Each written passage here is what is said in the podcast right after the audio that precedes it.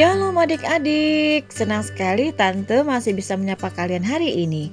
Semoga adik-adik selalu dalam penyertaan Tuhan.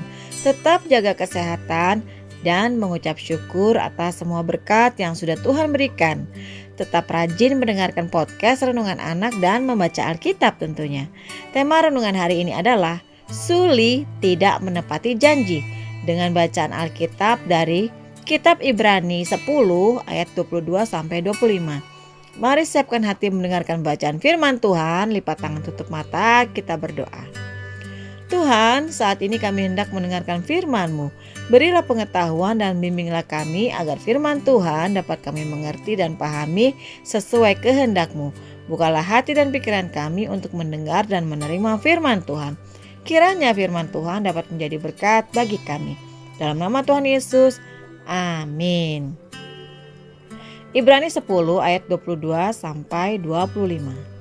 Karena itu marilah kita menghadap Allah dengan hati yang tulus ikhlas dan keyakinan iman yang teguh. Oleh karena hati kita telah dibersihkan dari hati nurani yang jahat dan tubuh kita telah dibasuh dengan air yang murni.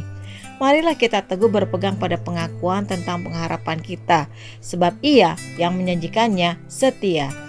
Dan marilah kita saling memperhatikan supaya kita saling mendorong dalam kasih dan dalam pekerjaan baik. Janganlah kita menjauhkan diri dari pertemuan-pertemuan ibadah kita seperti dibiasakan oleh beberapa orang. Tetapi marilah kita saling menasehati dan semakin giat melakukan melakukannya menjelang hari Tuhan yang mendekat. Demikian firman Tuhan. Adik-adik, renungan kita hari ini menekankan iman yang teguh dalam pengharapan kepada Tuhan. Marilah kita teguh berpegang pada pengakuan tentang pengharapan kita. Keteguhan iman kita kepada Allah berhubungan dengan janji dan kesetiaan Tuhan untuk menggenapi janji tersebut, sebab Ia yang menjanjikannya setia. Kita selalu berpegang teguh kepada janji-janji Tuhan kita dengan teguh berharap kepada Tuhan untuk menggenapi janjinya kepada kita. Kita tidak perlu bimbang dan ragu karena Allah dapat diandalkan. Ia dapat dipercaya. Tuhan itu setia. Adik-adik juga akan belajar dan membahas hal lain yang berhubungan dengan janji yaitu kesetiaan.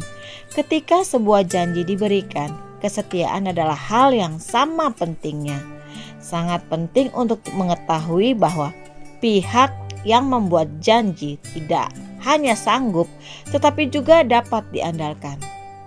Bagaimana jika yang membuat janji ternyata tidak setia dan berkata sebaliknya, melanggar janji tersebut?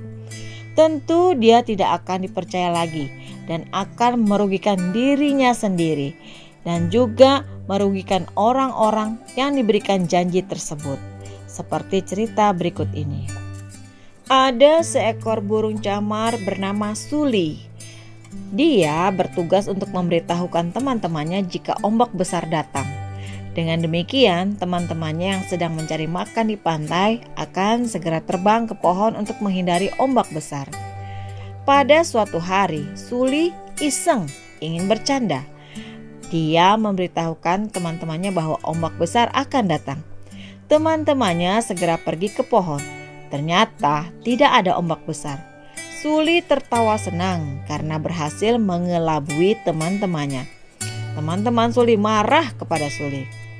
Sore itu, tiba-tiba ada ombak besar datang. Suli memperingatkan teman-temannya. Namun, teman-temannya sudah tidak percaya lagi pada Suli. Suli telah berbohong, tidak menepati janjinya untuk menjaga pantai. Akibatnya, ombak besar menerpa teman-teman Suli. Teman-temannya basah kuyup dan hampir celaka. Suli sedih dan menyesal.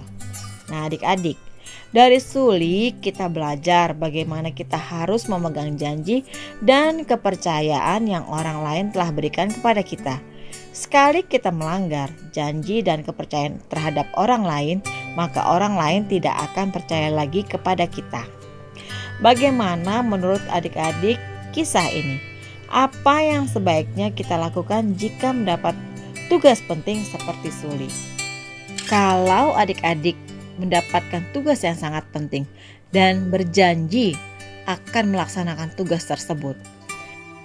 Sebaiknya adik-adik setia melakukan apa yang sudah adik-adik janjikan dan harus dapat diandalkan untuk menepati semua janji-janji tersebut untuk melakukan tugas penting itu dengan baik. Mari kita ucapkan bersama-sama. Aku mau memegang janjiku supaya orang percaya padaku. Sekali lagi, aku mau memegang janjiku supaya orang percaya padaku. Mari kita berdoa. Bapa di surga, kami tahu manusia punya batasan untuk menepati janji, tapi Tuhan akan memampukan kami. Tolong kami ya Tuhan. Terima kasih Tuhan, dalam nama Tuhan Yesus. Amin. Ingat ya adik-adik, janji dan kesetiaan adalah hal yang sangat penting yang harus adik-adik tepati. Kita harus belajar menjadi orang yang dapat diandalkan dan selalu menepati janji. Tuhan Yesus memberkati.